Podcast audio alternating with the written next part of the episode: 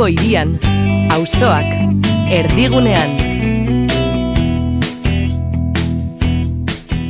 Eskerra, eskerra, ukabilkada. Lanaren ekonomia. Kutsadura informatiboari aurre eginez, ekonomia gaiak jorratzen eta ulertarazten duen saioa. Bilbo iria irratia, hor dago eta argia, elkarlanean lanaren munduko analizia. Lagunak egan, usta bildu, eta berriz bueltan. Denbora gelditzea bagenu, don't stop. Amodi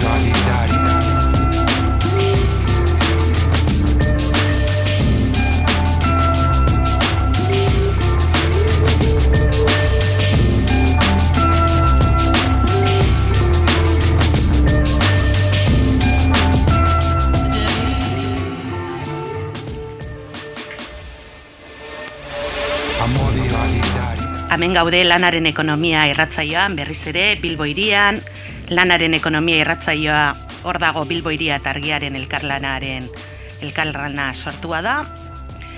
Eta ohiko denez, ba, sindikal agendarekin hasiko gara, Inez Agirrezkoenagaren eskutik, sindikal agendan urrengo amabostegunetako bai sindikatu eta bai herri mugimendoko deialdi desberdinak e, plazaratzen ditugu. E, Horein honetan, ba, bueno, ingo dugu lanketa monografiko bat aldeketa klimateako ari aurre egiteko estrategiei buruz. Eta horri lotuta, ba, bueno, ba, iru elkarrezketa izango ditugu, lehenengoa jenofa beroko irigoirin, ber, parkatu jenofa beroko irigoin argiako kasiekataria elkarrizketatuko dut, klimaren hausian ultra beratze jarritutako estrategiari buruz. Ondoren, Jon Bernard Zubirik Inez Agirra Eskonaga elkarrizketatuko du garraioa eta mugikortasunearen inguruko gaiari buruz. Eta, bueno, Inez oinarrituko da Alfonso Riosek ordagon argitaratutako e, artikulo batean. Eta azkenik, ba, bueno, saioa maitzeko, ez ditzu izagirrek argian idatzitako azken larrunaren aurkezpena, aurkezpenari buruzko elkarrizketa bat egingo dio Jon Bernarrek, energia berrestagarria martzan jartzeko estrategiak e, aztertuz. E, hau izango da, irratza osoa eta orain Inezen zanda izango da sindikal agendarekin.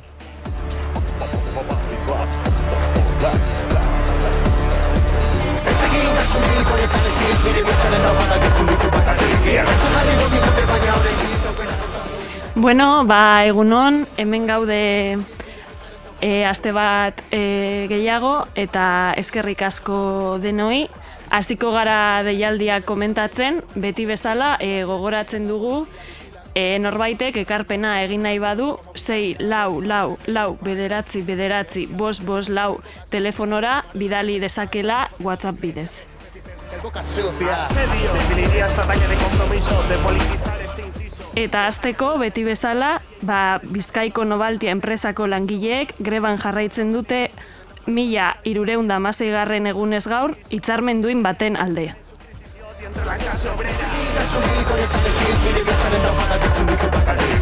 Zaratamoko eta Zeberioko vulkanizado zuloaga enpresako langileak greba mugagabean daude gaur zeireun da sortzigarren egunez, hitzarmen duin baten alde se siente la boca calla cuando el político miente el odio estalla. Nafarroara joan da, Lamoreako H&M-ko langileak laro bi egun daramatzate greban. Hau da, abenduaren bederatzitik euren lan baldintzak hobetzeko.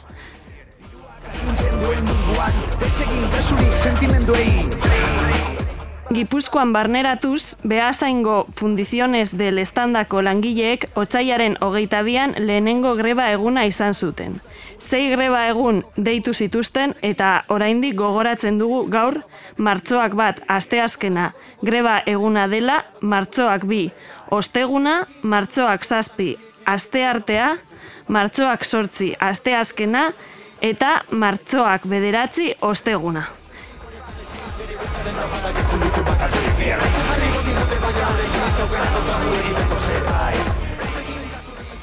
Eren egun greba hasi zuten osakidetzako garbikuntzako langileek negoziazio maila desblokeatu eta karrera profesionala exigitzeko. Hau da, gaur martxoak bat, hirugarren eguna dugu.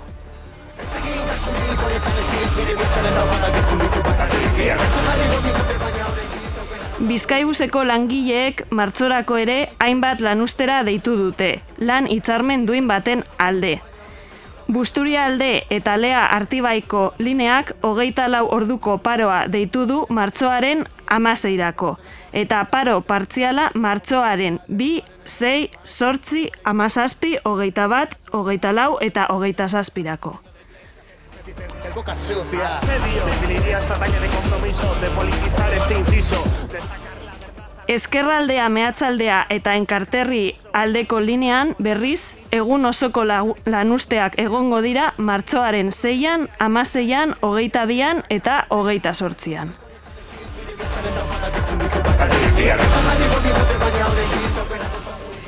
Txor, Txorierriko linean aldiz egun osoko paroa egongo da martxoaren amaseian eta lanuste partzialak gaur martxoak bat, martxoak sei, amar, amalau, hogei, hogeita iru, hogeita bederatzi eta hogeita mar.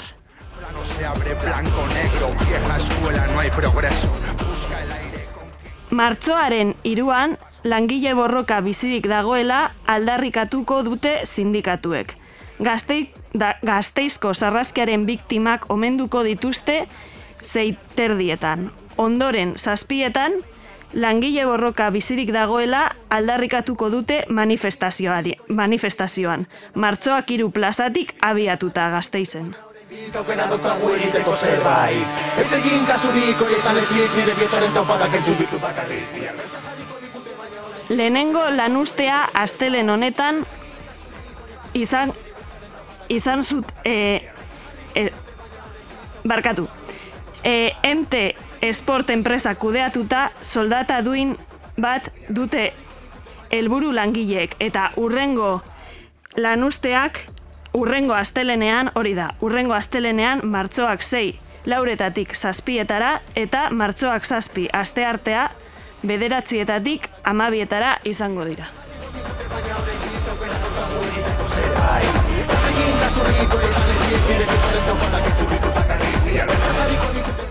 Ipar Euskal Herrira abiatuz, labek denok greban lelopean, amar terdietan, goizeko amar terdietan, Baionako geltokian eta sortzi terdietan Done Pauleren herriko etxean, deitu dute mobilizazioa martxoaren zazpian.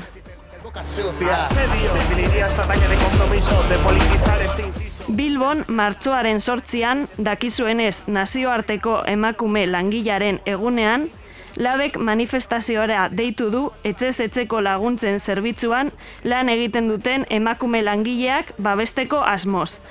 Amar terdietan, goizeko amar terdietan, udaletxetik diputaziora egingo duten manifestaziora.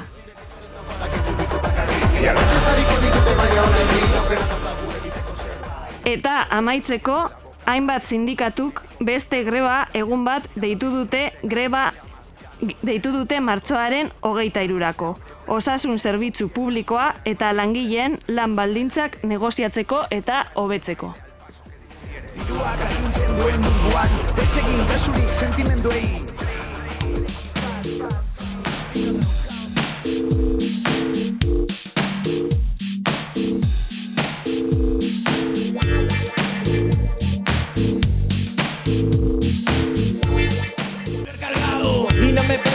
por palabras duras. Si lo que pasa en Argentina es evidente, los políticos son todos delincuentes. El pueblo se cansó de que le roben la ilusión porque el rico cada vez más rico y el pobre no tiene ni un cobre.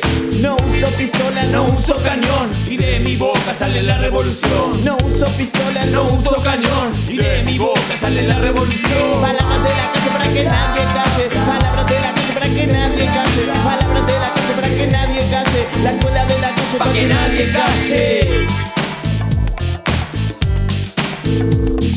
Y hoy los jóvenes optan por irse del país porque no hay laburo, no hay futuro, vivir así muy duro. Los diputados sentados en sus sillones se roban de a millones. No hay que dejar que nos trate como ignorantes. Y hay que hacerles el aguante. No hay que dejar que nos trate como ignorantes. Y hay que hacerles el aguante. Micrófono en la mano como un revólver cargado. Micrófono en la mano como un revólver cargado. Palabras de la calle pa' que nadie calle. Palabras de la calle pa' que nadie calle. Palabras de la calle pa' que nadie calle. Empecé a crecer, empecé a comprender Y de este mundo no me quiero bajar Pero tanta hipocresía no la puedo soportar ¿Qué es lo que está pasando? Algo bueno tenemos que dejar para los que vienen atrás Hey, Bush, hijo de puta. Deja de oprimir a los países subdesarrollados Que con tu guerra antiterrorismo se te olvidó. Atacarte a vos mismo Que con tu guerra antiterrorismo se te olvidó. Atacarte a vos mismo. Yo prefiero ser un negro subdesarrollado del tercer mundo. Bai, orain elkarrezketa egingo diogu Jenofa Beroko irigoini, argiako kazetariari, eta, e, bueno, bera oinarritu da, bueno, azalduko digu nola Eduard Morena politologoak klase ikuspegitik e, aztertzen duen klima larrialdia, ez? Eta aztertuko du bere liburua Fin de Mont, fin de Mont et Petit Fort, les ultrarris fasea la crise climatique. Eta, bueno, hemen ondorioztatzen da, edo, bueno, e, gakoa da, esaten dela, ba, ultra uba beratzen neurrigabeko kontsumoa baino askoz ere kaltegarriagoa dela, eurek egindako nora bideratzen dituzten euren inbertzioak, eta transizio politikak, e, ba, klimari lotutako transizio politika kontrolatzeko egiten e, ari diren estrategiak. Kaixo, egunon, Jenofa, Bai, keixo, egunan. Bai, esan dudan bezala, bazkenean Eduard e, Morenaren bueno, liburua aztertu dozu, klima larrialdiaren inguruan, eta, bueno, e, ba, konta eguzu apurtzu bat honi buruz. Bai, beraz, eh, zuk azalduzun bezala, eh? eh Mhm. politologo horrek aztertzen du pixkat uh, ultra aderatzen uh, egealitatea klima lagialdiaren egonkaren parean. Eta zenbait zentruten da, uh, ba, ze kontsumo egin ikaragajia duten ultra aberatzek, eta nola haiek aldaketak bideratu behar dituzten, baina ez dituzten bideratzen, eta hori guztia.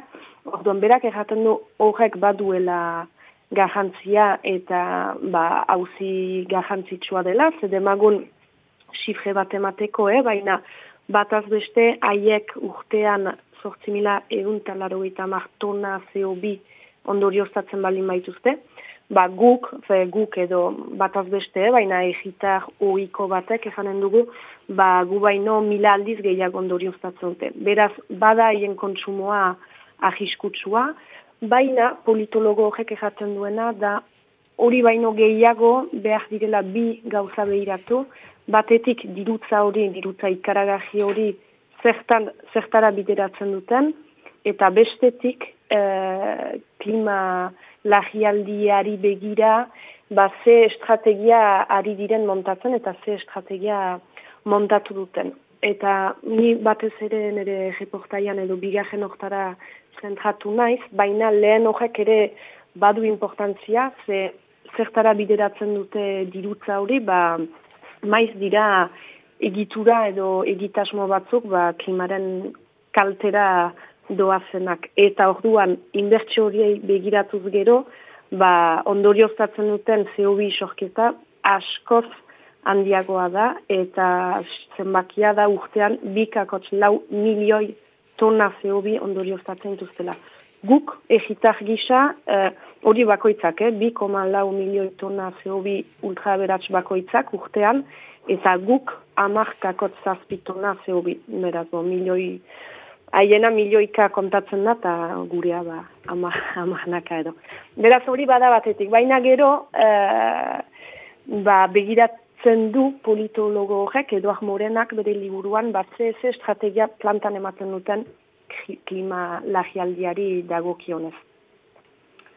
Bai, ez, eta, Eh, bueno, Ez dakit nahi duzun zehaztea, edo, Bai, ez, eta- galdera bat da. bai, horren Bai. inguruan ere esaten dozu, ba, 2000 urteaz geroztik, ba, klase kontzientziatik klase kontzientzia klimatikara sal, salto egin dutela, ez? Eta horre Bai. aipatzen dozu azkenean e, estrategia hau ba estrukturatuta dagoen estrategia bat dala. Mm, mm. Bai. Bai, bai, hori da. Guk, eh, ba, ezagutzen ditugu, eh, orkuntra aberatsoien izenak, ze, ze gainera dira guk egunero erabiltzen ditugun tresna batzen jabeak, dela Facebook, dela Amazon, dela Twitter, bo. Beraz baitugu Bill Gates, eh, Jeff Bezos eta olako, Elon Musk eta izen horiek ezagutzen ditugu, eta pertsona horiek ezagutzen ditugu, naiz eta pertsonalki ez, baina ba, hori, gure egunerokoan izena agertzen da, baina eh, haien ondoan badira beste batzuk eta badira nazio batuen erakunde, nazio batuen erakundeko buruzzatak, goi funtzionarioak, zientzialariak, komunikatzaileak, lobitaldeak, ezan haien inguruan badute olako sistema edo ahmada bat eh, plantan emana, nunbait haien eh, gogoak lideratzeko.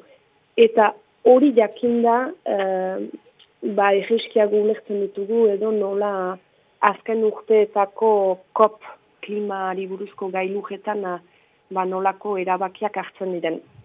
Ze bere tesia edo ultraberatz horien estrategia nahiko, nahiko simplea da azkenean eta lortzen ari dira, haiek badakite, orduan batetik klimalagialdia hor dela, klimalagialdiaren oinagian ba, badirela egegai fosiletan oinagituriko ba, industria badela, eta horrek kalte egiten duela. Badakite kontzientzia hori badela, badakite denbora kontatua dela eta aldaketak bideratu beharko direla, eta orduan ba, aldaketak bideratu beharko direnez, jahi dira aldaketak erabakiko diren guneetan eta hortik bideratzen ari dira, ba, aldaketa batzuk, mm, azkenean sistema aldatuko dutenak, ze haiek klase ikuspegitik ari dira, eta nahi dute oraindik gehiago aberastu, edo haien aberastasuna ez dute galdu nahi. Beraz, erabiki gune horietan dira, ba, azken finean, aldaketa batzuk bideratzeko, baina haiei talte gehiegi eginen ez dieten aldaketak izan daitezen. Eta horregatik hitz egiten da, hainitz gaur egun, kapitalismo berdeaz. Edo e, ikusten dugu, eh, orai e, agintariak, e, gailu joietan, industria ahloko botere dunek, denek izaiten dute, e, transizio ekologikoaz, karbono neutraltasuna lortu behar dela, kapitalismo berdea dela transizioaren bidea. Azkenean, itzoiek badituzte eta baina gibelean gordetzen dena da ez dutela nahi eh, baitez bada sistema aldatu. Eta, eta beraz hori, eta lagiena da, eta Eduard Morenak hori ongi azaltzen du, norazbait e, transizio ekologikoaren hauzia eta eta ejonka, ze hau gauza potolo bat da, ba nola nola uljal aberatzek kontrolatzen duten eta nola saltzen diguten kapitalismo berdearena soluzio bakar gisa. Bai, gero bebai komentatzen duzu, 2000 bederatziko Kopenhagen egindako kopa amabostean, ja nabaritu zirela, ja, basukalde lan hauek egindakoak ultraberatze karinago.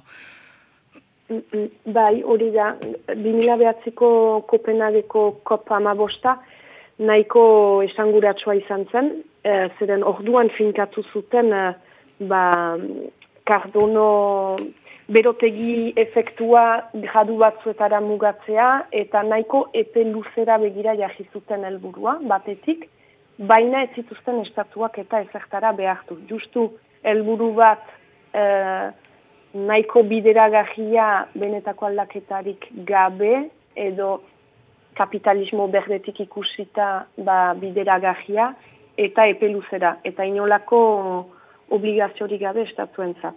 Eta hori, erraten du Eduard Morenak, ba hori izan zela, nunbait, sukalde lan horren emaitza baiko ja, zeren, ba, hor adostu zenak ematen zuen, ba, joko zela ja, nahiko lasaia e, ultraduratxo jentzat, eta haien kapitalismo berdea garatzeko.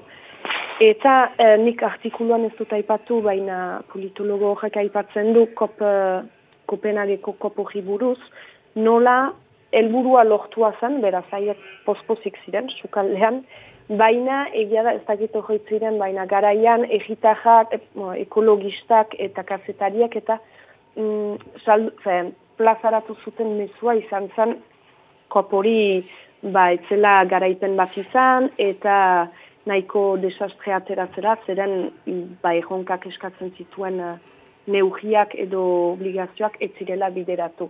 Eta olako irakurketa eskor bat uh, plazaratu zen garaian, egitaren partetik, eta kasetariak ere zabaldu zutena, eta orduan, orduan hasi zen, ortik landa uh, zen ba, ultraberatzen estrategia hortan edo sartu zituzten ere komunikatzaileak eta kazetariekin edo biztanda ez argia edo, edo zuen ijatia, baina mainstream komunikabide handiekin egingo zen olako gordekako tratu bat edo azkenean diruaren bidez egiten dena, eh? baina hitza ere kontrolatzeko eta kopoietan emango ziren pausoi buruzko numait irakurketa garbi eta polit bat bideratzeko ondokoetan. Ez egipikatzeko kopenagen gertatu zena. Eta, ba, azken kopei begiratzen badin bada eta komunikabide handiek egiten irakurketari begiratzen bada, ba, ezan daiteke estrategia horrek ere funtzionatzen duela, ze gaur egun azken kopari begira eta ba, azpimahatu dira hor hartu diren uh, alde honak, niabardurarik egin gabe, irakurketak kritikorik egin gabe, eta bo, pixkat hori ere azaltzen du liburuan. Eta orduan ba, ikusiz uh, bere tesiaren parte da, ba, ikusiz ultraberatzek klima lagialdiaren auziari edo klase ikuspegitik begiratzen diotela, ba erraten du guk ere egitar gisa edo ekologista gisa edo behar diogula auzi hori klase ikuspegitik behiratu eta horrentzat erraten du ba aldaketa klimatikoa hitza erabili beharrean behar dugula erabili justizia klimatikoaren hitza zeren justizia klimatikoa aipatzen denean orduan ageri dira klase bujokaren baitan diren dinamika eta eta erronkak. Mhm. Hori da, beraz, eh, justizia klimatikoa zitzein marko dugu, oraindik aurrera, eta, bueno, eskerrek asko Gino Faberoko irigoin, gugaz egotea garren, eta urrengo bat arte. Untsa da, nire zuri, aio. Bai, agor.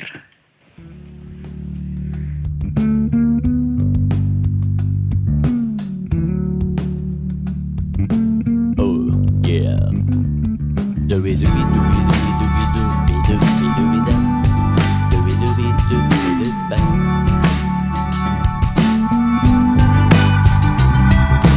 Holly etorri zen Miami-tik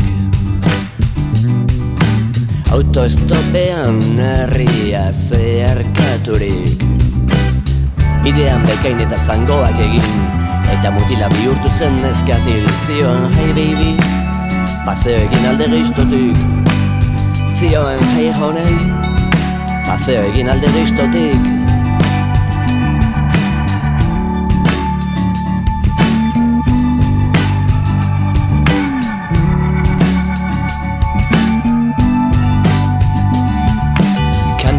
Irlaz kanpotik etorria zen Atzeko gelan denon maitalea izan zen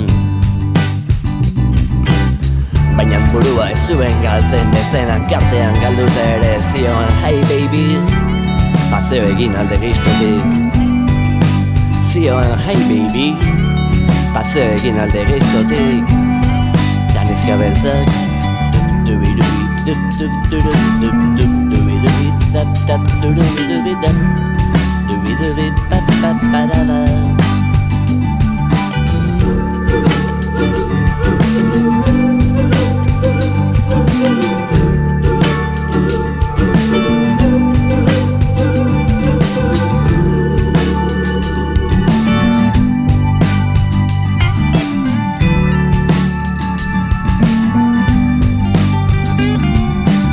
Jo etxigik ez zuen ematen doainik Denek ordaindu behar zuten lehenik. Hauz bat unen eta hauz bat hor New York iria egokia da esateko. Hey baby, paseo egin alde giztotik Zioan hey joe, paseo egin alde giztotik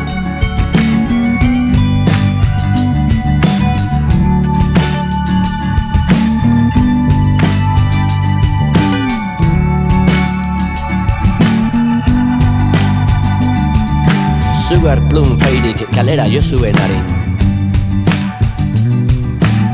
Bilatzen ari zen ari marentzat janari Apolora bidean ikusi bazenu nola zijoan Zioten hey sugar, paseo egin alde geiztotik Nioen hey baby, paseo egin alde geiztotik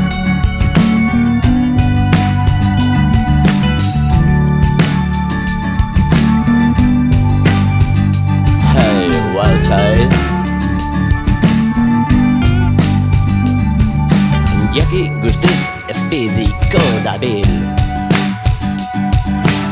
Egun batek James Dean dela zinezturik Orduan fuskatu zen itxuraz baliunak ekindiko zukeen ura. Zioen hey baby. Paseo egin alde geiztotik Nioen hey honey. Paseo egin alde geiztotik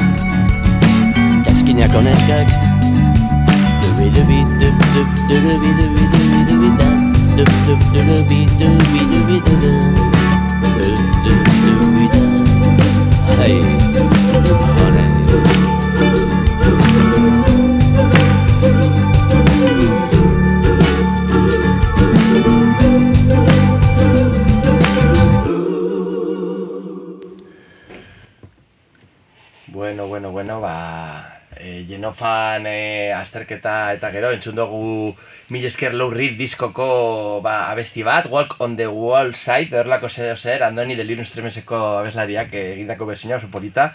Eta bueno, ba, gure gaurko gai monografikoarekin jarraituz eta ikusita, e, goi, goi klaseek, e, traberatzek badutela estrategia bat, ez? E, sarritan e, e, nola ez, e, ba, Genofak be horrelako gai ekologikoetan ba, oso analizi e, egokiak ekartzen, ekartzen digu, dizkigu ba, saiora, orain ba, beste estrategietatik eta kaso honetan ba, sindikatuetatik, e, langileriatik edo B klasetik be bai egin behar deko estrategiak, ez? Bestela, larrialdi klimatikoa badakigu beheko klaseek edo pobreek izango izango direla kaltetuenak, ez? Eta eta beti egongo da goi klaseen artean ba, problemak saiesteko edo baliabideak pilatzeko edo pilatzen jarritzeko aukera.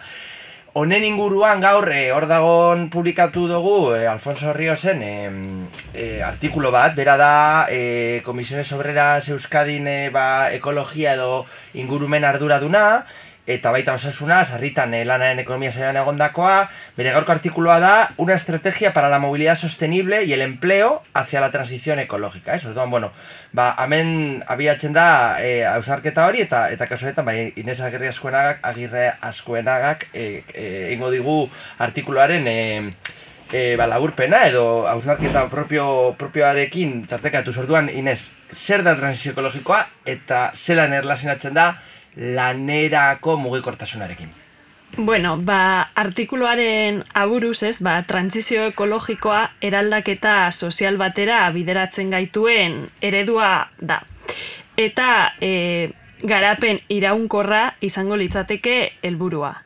E, aldaketa klimatikoaren e, ondorio latzen irten bidean, e, osotasun batetik ulertu eta gutxitu nahi ditu bai merkantzia moduak, bai arlo energetikoak eta bai kontsumoa bera aztertuz eta kontuan hartuz.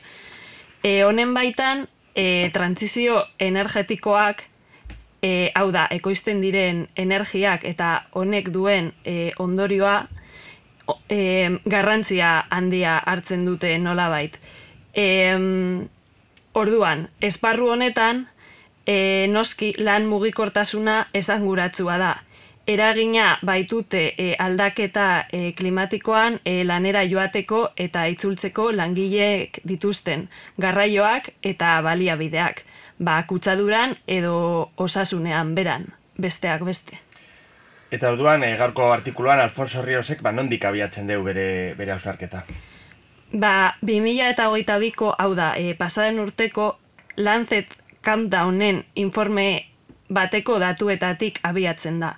Bueno, e, Lancet Countdown elkarlan internazional batetik abiatzen den erakunde bat da eta urtero informe batzuk e, ateratzen ditu.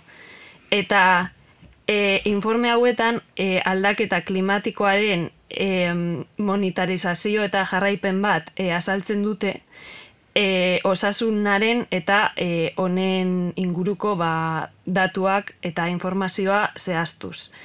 Eta e, azken informe honek, hau da, e, 2008 urtekoak, ba, arreta handia deitu du datuak direla eta e, izan ere erregai fosilen erabilera masiboa E, hau da, e, ugaria bilakatu da elektrizitatearen sorkuntzan mundu mailan energia berriztagarriak euneko sortzi e, komabi, esaten du, bai, e, euneko sortzi komabiko e, ekarpenera e, mugatuz. E, eta hau, horrela jarraituz gero, e, mende amaieran, e, temperaturak 2,6 graduko igoera bat e, izango luke bataz beste itzulezinak diren ba, e, ondamenezko efektuekin. Eta pertsonen osasunean ere prozesu guzti honek ba, eragin bat du. Eta badirudi ba, hori mugikortasunetik eta garraioetatik abiatuta eta azkeneen azkenean ba, langileek e, haien lanpostura e, joateko e, horrek e, pisu handia du, e, hortik abiatuta e, hobekuntza batzuk e, egin daitezkeela. Eta badago Espainian e, e, hori, ba, badago Espainian lege bat e, horren inguruko horren inguruko marko finkatzen dauenik? Ba, justo, e, aipatu egiten du e, nola 2000 eta hogeita irugarren urtean e, esanguratzua dugula zentzu honetan. E, azkenean, e, badagoelako aurre proiektu bat e, mugikortasun jasangarriaren e, legea izenekoa eta e, onartuko delako. Eta e, onako helburuak ditu. Bosteun pertsona baino gorako plantillak dituzten enpresentzat beharrezkoa izango da, e, hau da, naita eskoa, mugikortasun e, plan bat txertatuta izatea. Beti ere jasangarritasunera ansko norabideak jarraituz. E, enpresa hauetan noski e, eguneroko desplazamendu ugari daude. Eta hauen datuak begiratu beharko lirateke negoziazio kolektiboaren bidez eta langileen ordezkaritza legalak bermatuz parte hartzeko. Plana e, onartu behar da, e, ezarri behar da, baina e, segimendu batzuk ere bermatu behar dira hau ondo eta era egokian betetzen direla ziurtatzeko. Eta, bueno, ba, zein da orduan komisiones obreras eta UGTen e, valorazioa lege honen inguruan? E, ba, hauek diote, e, asmo handiko e, proposamen gehiago mai gaineratu behar direla. E, ala nola, ba hori, legeak e, bosteun pertsonen plantillak aipatzen ditu, baina eun pertsonen plantilletara ere e, aplikatu ahal izatea, ez? Azkenean, ba, bueno, e, bosteun baino gehiago ondo, baina badaude ere beste motatako e, plantilla horiek eta hortik ere e, gutxitu daiteke ba hori erregai fosiletan eta e, garraio pribatuetan e, ba, agortzen, bueno, agortzen den energia edo bai. Gainera, e, ba, garraioaren deskarbonizazioa ere lehentasun bezala ikusten dute e, egoera hobetze aldera. E, orduan, hor, e, ba, esan bezala, lan mugikortasunari e, foko handia ematen diote. Eta zein da gurean, Euskal Herrian e, dekogun marko propiorik? Ba, e, 2000 eta emeretzean justo e, indarra hartu zuen e, jasangarritasun energetikoaren e, legeak. Eta e, honako honetan e, industria, e, merkataritza eta zerbitzu enpresetan eta baita sektore publikoetan hemen bai turno bakoitzeko ehun langiletik gora dauden eguneetan aplikatu da. Honekin e, ondorio kutsagarriak e, dituzten joan etorrian e, ondorio kutsagarriak hori da e, gutzitu egiten dira e, garraio pribatuen ezbeharrezko erabilera azkenean ba, e, gutxitu egiten delako eta garraio publikoen sustapena e, bilatzen delako. E, gainera, e, badu beste beste funtzio preventibo bat esango genukeena, e, azkenean itinere lan istripuak e, zaiesten dituelako, hau da, e, pertsonaren bizilekoaren artean eta lantokiaren artean e, gertatzen direnak. Eta eta badu komisiones obrerasek ba honetan ba hobekuntzak egiteko proposamenik? Ba, bueno, ba, esan bezala, e, komisiones obrerasek e, maigaineratu dituen e, proposamenak e, merkantzia garraioak e, deskarbonizatzeko e, helburuarekin e, egin ditu batez ere, eta e, badago e, ferrokarrilaren, hau da, e, trenaren e, aldeko e, apostua. E, gaur egun e, diotenez, ba, merkantzia gehienak e, errepidetatik e, mugitzen baitira e, garraio pribatuetan, eta kalkulatzen da e, horren euneko larogeita bosta e, trenez garraiatu izango litzatekeela e, energia aurreztuz. Eta, eta orduan, e, sarritan aipatzen dugu, Espainiako gobernuaren alde soziala, baina e, kasu honetan, e, hausi mugikortasun ekologikoaren inguruan badu estrategiarik Espainiako gobernuak? Bueno, ba, justo e, aurreko 2008 biku maiatzean, merkantziaz e, hogeita mar e, gobernu estrategia onartu zen. Eta e, honen helburua e, trenbideetako merkantziak e, sustatzea da logistika katearen erdigune bihurtuz eta 2000 eta hogeita garren urterako tren erabilera euneko amar igotzea e, izango litzateke e, helburua.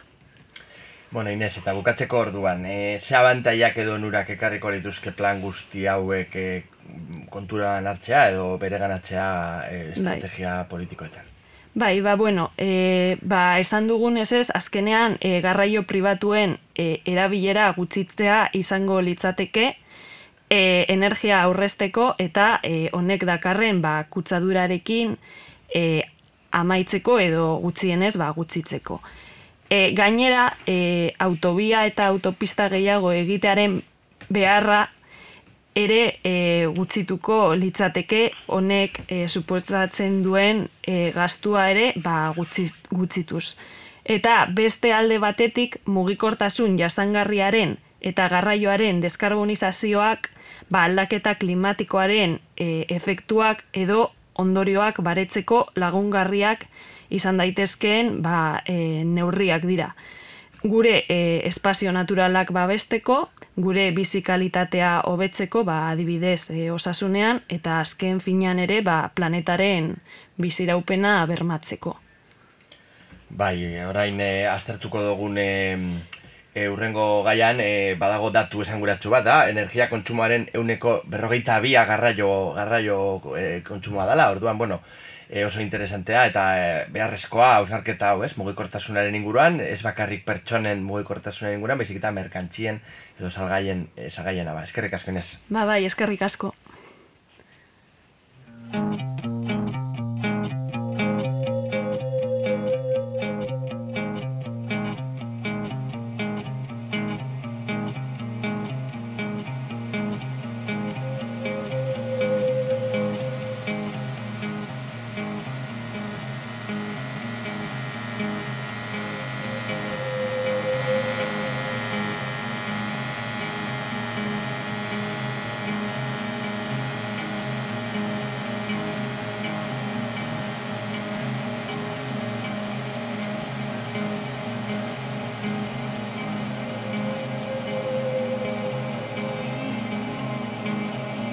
Datuak eta bizitza Enpresei eman eman diegu Eta pantailan egiten ju Keinuak ordetzen ditu makinak Gailuei eman eman diegu.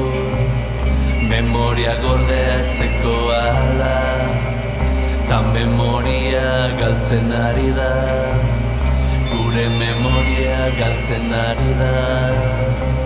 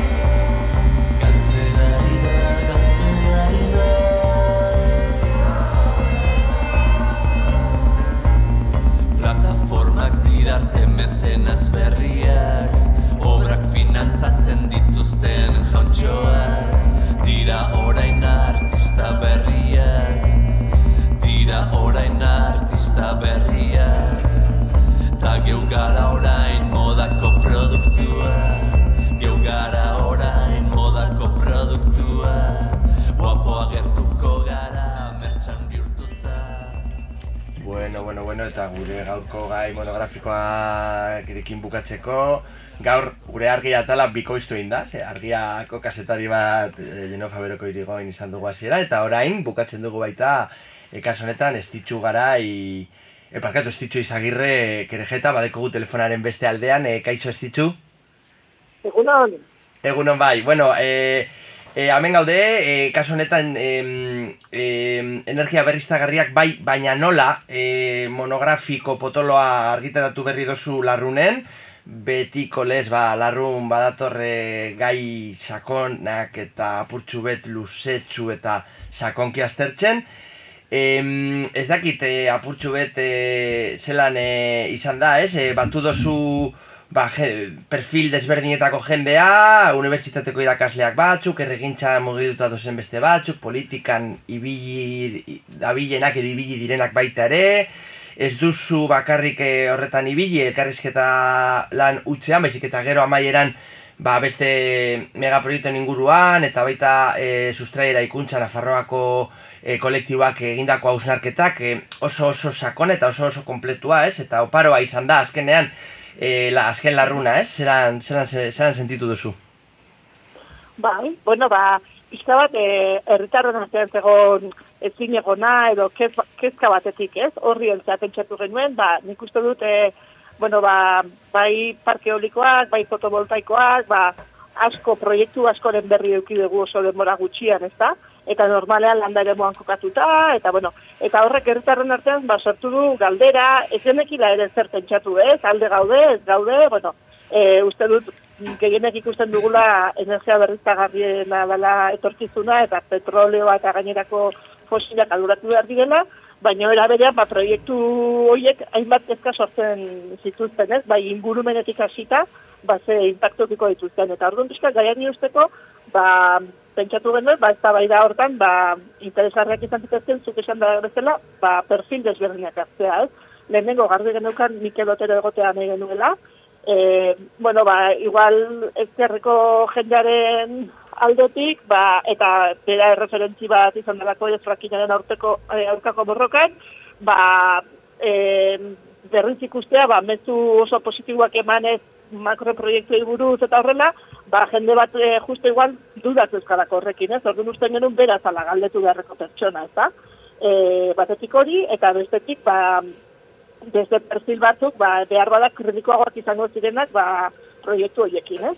Eta horregatik bindu ditugu batetik e, Jokin Kastaños, goien erreko kidea, pixka bat aitortza bat ere egiteko, ez? Ba, energia berritzagarrien gaia ez dala hain berria Euskal Herrian, eta badagola goien erbezelako proiektu bat, e, bueno, kooperatiboa, eta, eta diru irabaziri asmorik ez daukana, ba, borogatezko jende asko lana esker horregateratzen dana, hortan urtea dara, ba, dara matzana, ez, da, beraiei eman nahi gaine piskatitza, bestetik, biden ere giriztain, ba, agorra ekologia mugimenduan e, sartuta dagona batez ere biolur elkartean, ekologikoaren elkartean, eta baita ere, ba, ekonomia irakaslea dana EHU, eta beraz, ekonomia lagien ikuspegitik e, erantzungo zuena, ez, e, energia, ba, bete-betean da, ekonomiaren oiarria, ez?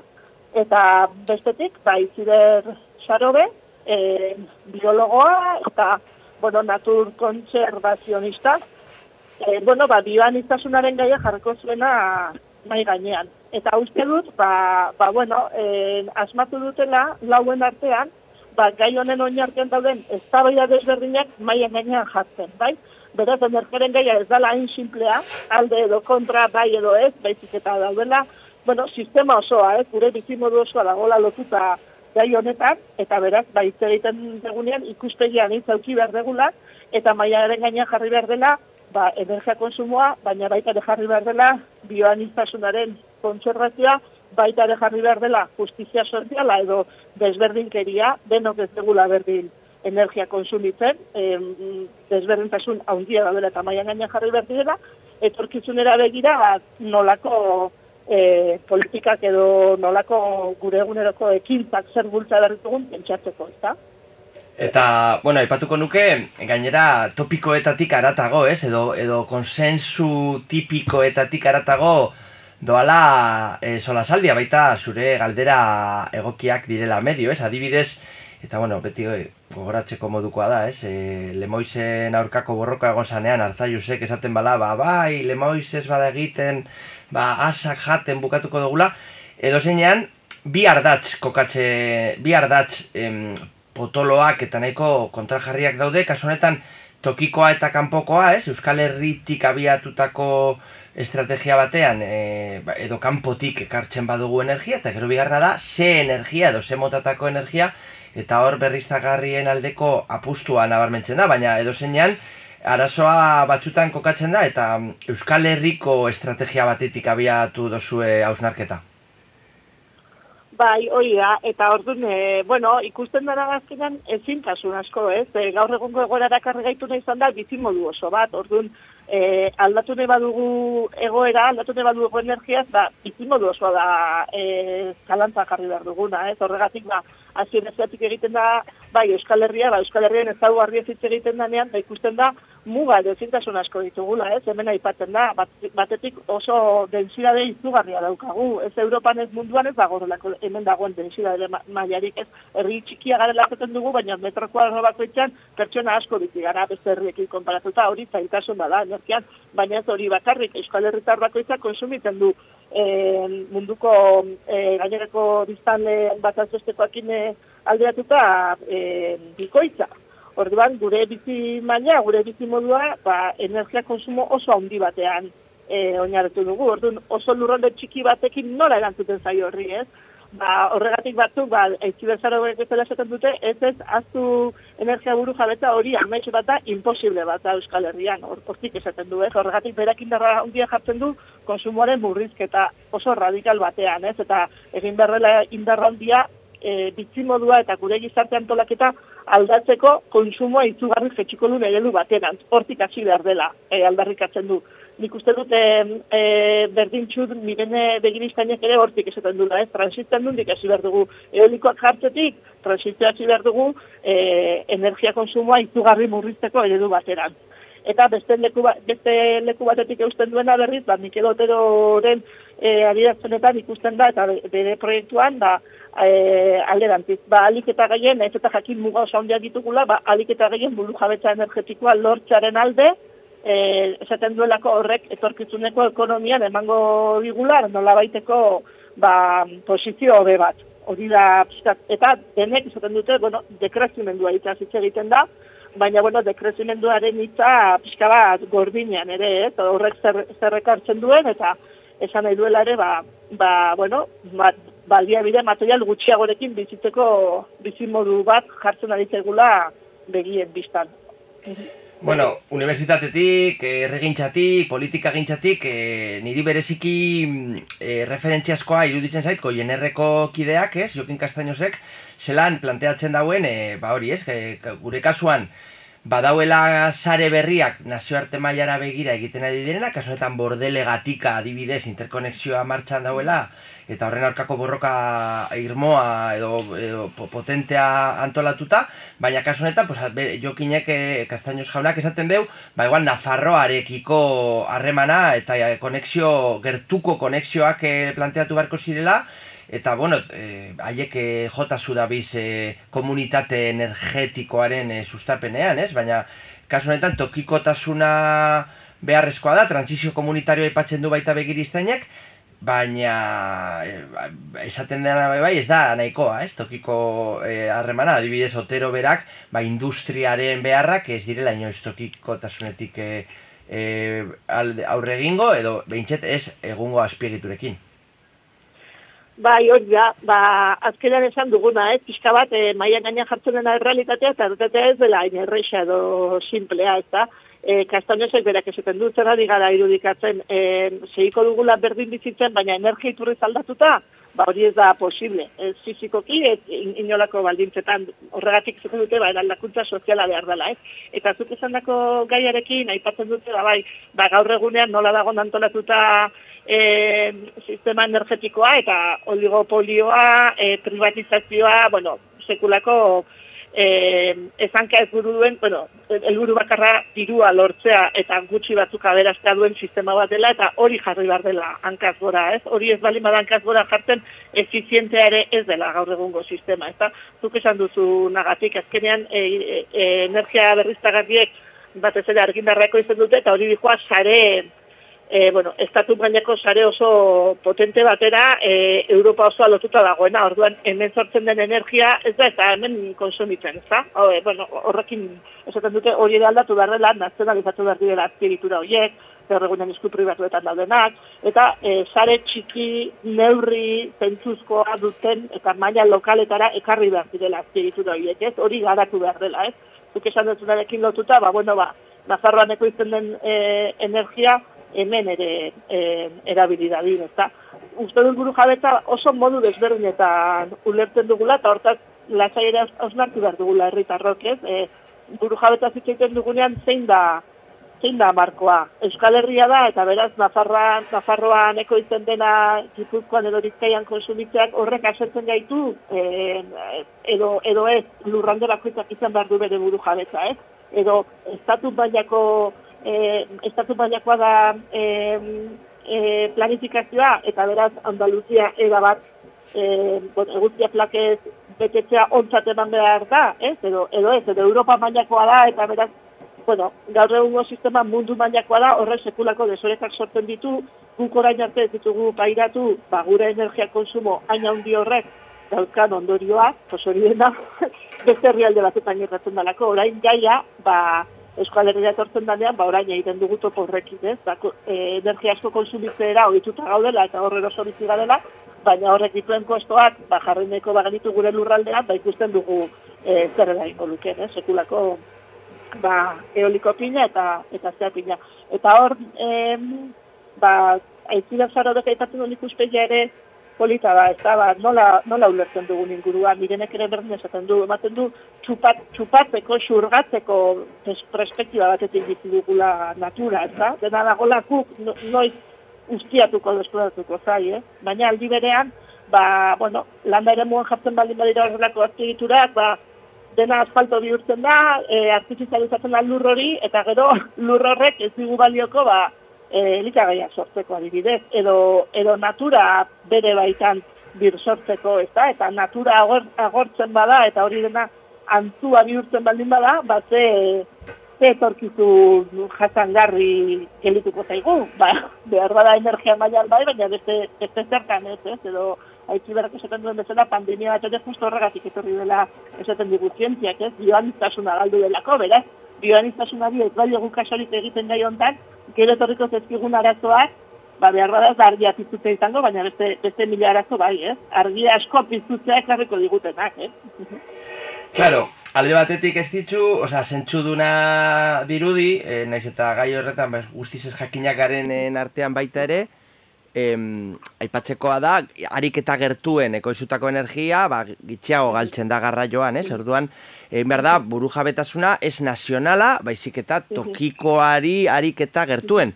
Baina hor sartzen da tomatea, ez? Eta polita da e, zure galdei tiraka zelan beraien artean ikusten da desadostasun argita garbia non kokatu eta zelan erabaki e, berriztagarri horien kokapena bereziki eolikoan e, kasu honetan erresistentzia tokikoak, adibiesen karterrin, araban, orain, bueno, e, badakigu datorren astean aspeitian e, e, erabakiko dala Starcraftekin e, e, elkarlana hori abian martxa abiatu edo ez, Orduan, bueno, hor dago a, gutxi gora bera potolo potoloen dauen eztabaida ez non kokatu eta zelan erabaki.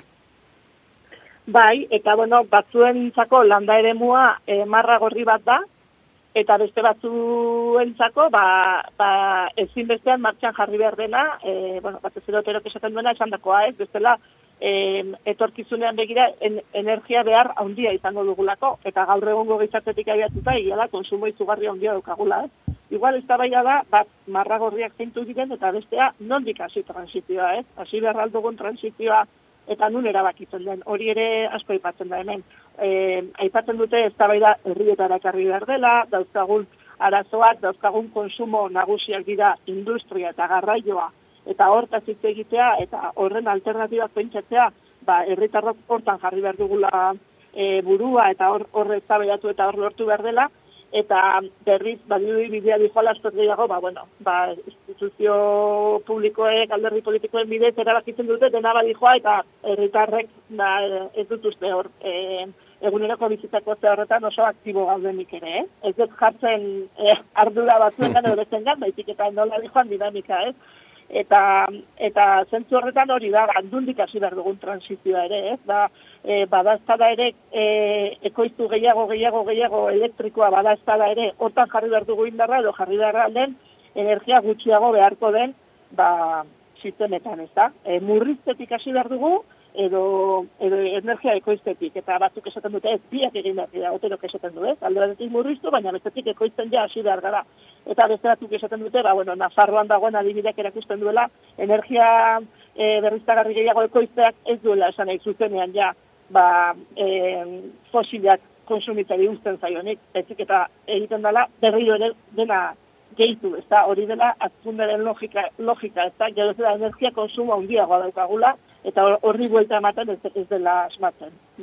Klar, hori da apurtxu bet, kapitalismo berdea edo salatutako, beste, besteak beste, salatutako tapia legean to, kokatu aldan ez da ez? E, irietan, e, goi klaseko politikari eta e, urbaniten aldetik, bardin jarraitzeko, ba, landa ere muetara, fotovoltaikoak eta eolikoak kokatzea, ez? Eta kaso honetan, tapia legea dela medio, imposatu aldana tokiko edo udal eskudu benetik e, aratago, orduan, agian hirietan kokatu beharko genuke instalazio gaitasuna, ez dakit, teiatu guztietan fotovoltaikoak esartzen legez, edo horrelako kompensazio moduko bat, ez? Belanda ere muetatik ez sentitzea injustizia bat dauela eta urbaniten o, onurarako landa ere muak kaltetzen ari dela ez, ez esateko edo ez egiteko?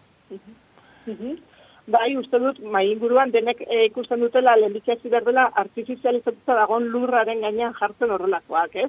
Eta esan dakoagatik, ba, e, artifizializatu gabeko lurrak, ba, bueno, e, laguntzen duelako bizitza bere, bere baitan bersortzen. Osea, bera bakarrik e, lurra bizirik dago, eta lurraren inguruko animalia guztiak, eta bueno, horrek daukan onura baita, baita e, berriztagarrekin lortu nahi dan CO2 isur, isuriak e, gutxitzeko ere, ba, lur e, ez artifizializatuak CO2 xurgatzen du, orduan hori denak laguntzen du norabide hortan. Berriz, ba, lurra gehiago artifizializatzeak, nahiz eta izan energia berriztagarriak jartzeko, ba, oztopatzen du gozatia da, bai, bizitzaren din sortzea edo CO2 xurgatzea edo mila gauza.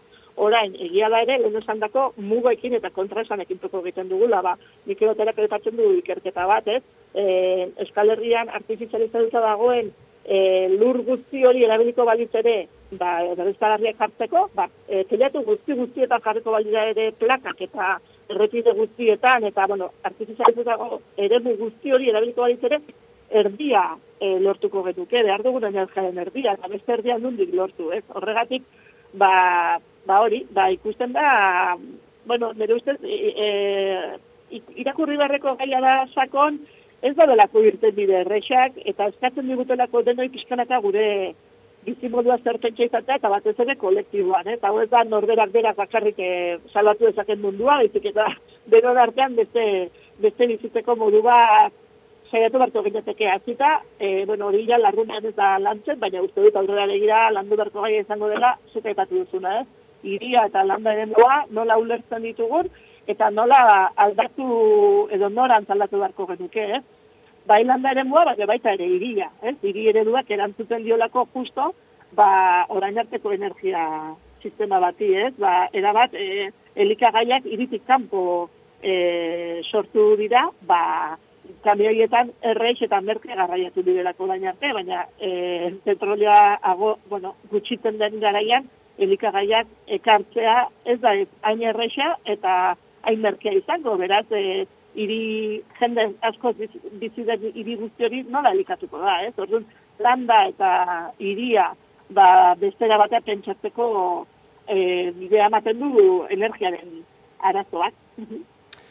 Ba, gai potoloak, e, iria eta landa ere muen arteko gatazka, e, iriak iraunkorrak izango badira, Paris, Madrid edo Bilbo bat e, elikadura, energia eta horrelako gaien inguruan e, ba, zalantza handiak e, ditugu. Eta edo zeinean, eskerrik asko, estitzu eizagirre, argiako kasetaria, beti ere e, argia, argia, argiatik horrelako gai sakonak eta eta erabakigarriak e, lantxagatik, eskerrik asko. Eta zuei, eskerrik asko, ba, ematen digutuelako e, aukera gai hauek e, elkarrekin hitz egiteko, eta, bueno, ba, tarte hau eskaintza datik. Mila, mila esker. Gero arte. Agur.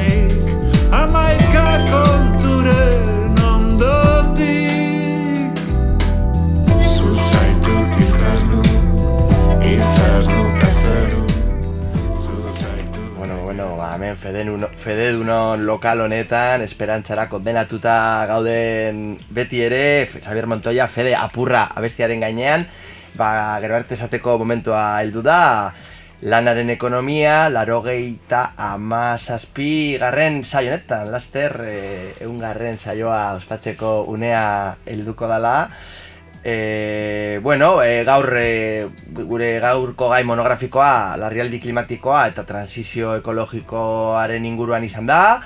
Hor eukin dugu ba, gure laguna Jenofa Beroko irigoin, argiako kasetaria, ultra beratxak bai badauzela prestatzen e, transizio energetikoa eta larrialdi klimatikorako. Ez dakit, e, Nova Zelandara edo nora joango diren danak, baina txaba dagoela ja hiri ultraberantxako hiri proiektuak e, ba, pobreetatik e, babesteko aukerak e, garatzen. E, gero e, ba, izan da Inez Agirre askuenaga e, gaurko or, gaur hor dagon publikatutako artikulu bateri tiraka zelako planteamendua egin alda langileriatik, ez? Eta kasu honetan lanerako mugikortasuna, garraioa eta bueno, eta transizio ekologikoa e, besteak beste e, energia edo elikagaduraren inguruko hausnarketak egin behar diren moduan, ba, kasu honetan garraioa mugikortasuna oso garrantzitsua izango dela e, aurrerantzean. Eta bukatzeko, e, gaur e, gure e, argia atal bikoitzari heltzeko, ba, ez ditzu izagirre izan dugu, bera baita e, energiaren arlotik, ba, azken larrun, e, larrun berreun talorogita sortzian e, landutako e, ba, eztabaida, elkarrizketa edo solasaldia antolatu dute argian, e, eta ikusten dela ez dagoela argi, incluso o- oinarri ekologiko eta eskertearren arteko jendean artean, zelan instalatu eolikoak, non, eta zelako konpromesuak sortu behar diren iria eta landa eremoen artean. Hori danagaz, bukatzen dugu gure gaurko saioa, beti ere Ibon Burgoari eskerrak emoten, beti mandoetan eta musika polita jartxagatik, e, Bilboiria komunitateari, entzulei, zuei, baita, bueno, nola ez, hor dago el salto e, Bilboiria eta, eta argia aitzen dugun saio honetan ba, parte hartzen dagoen jende guztia e, eskertzea, baita arrosa sarean gure saioa erreproduzitzen eta zuen tokiko irratietatik ba, gure mesua zabaltzen laguntzen diguzuenei, eta ez dakit, e, eta ba, batez beho zuri entzulei hor jarraitza gaitik eta jarraituko dugu urrengoan.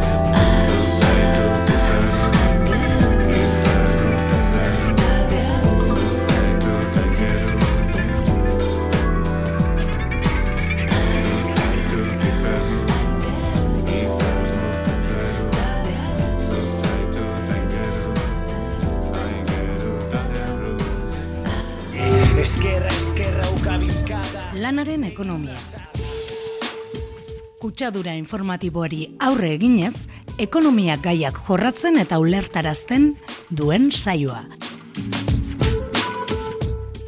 Bilbo iria irratia, hor dago eta argia, elkarlanean. Lanaren munduko analizia.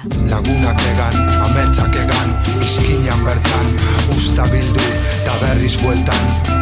Denbora gelditzea bagenu, don't stop.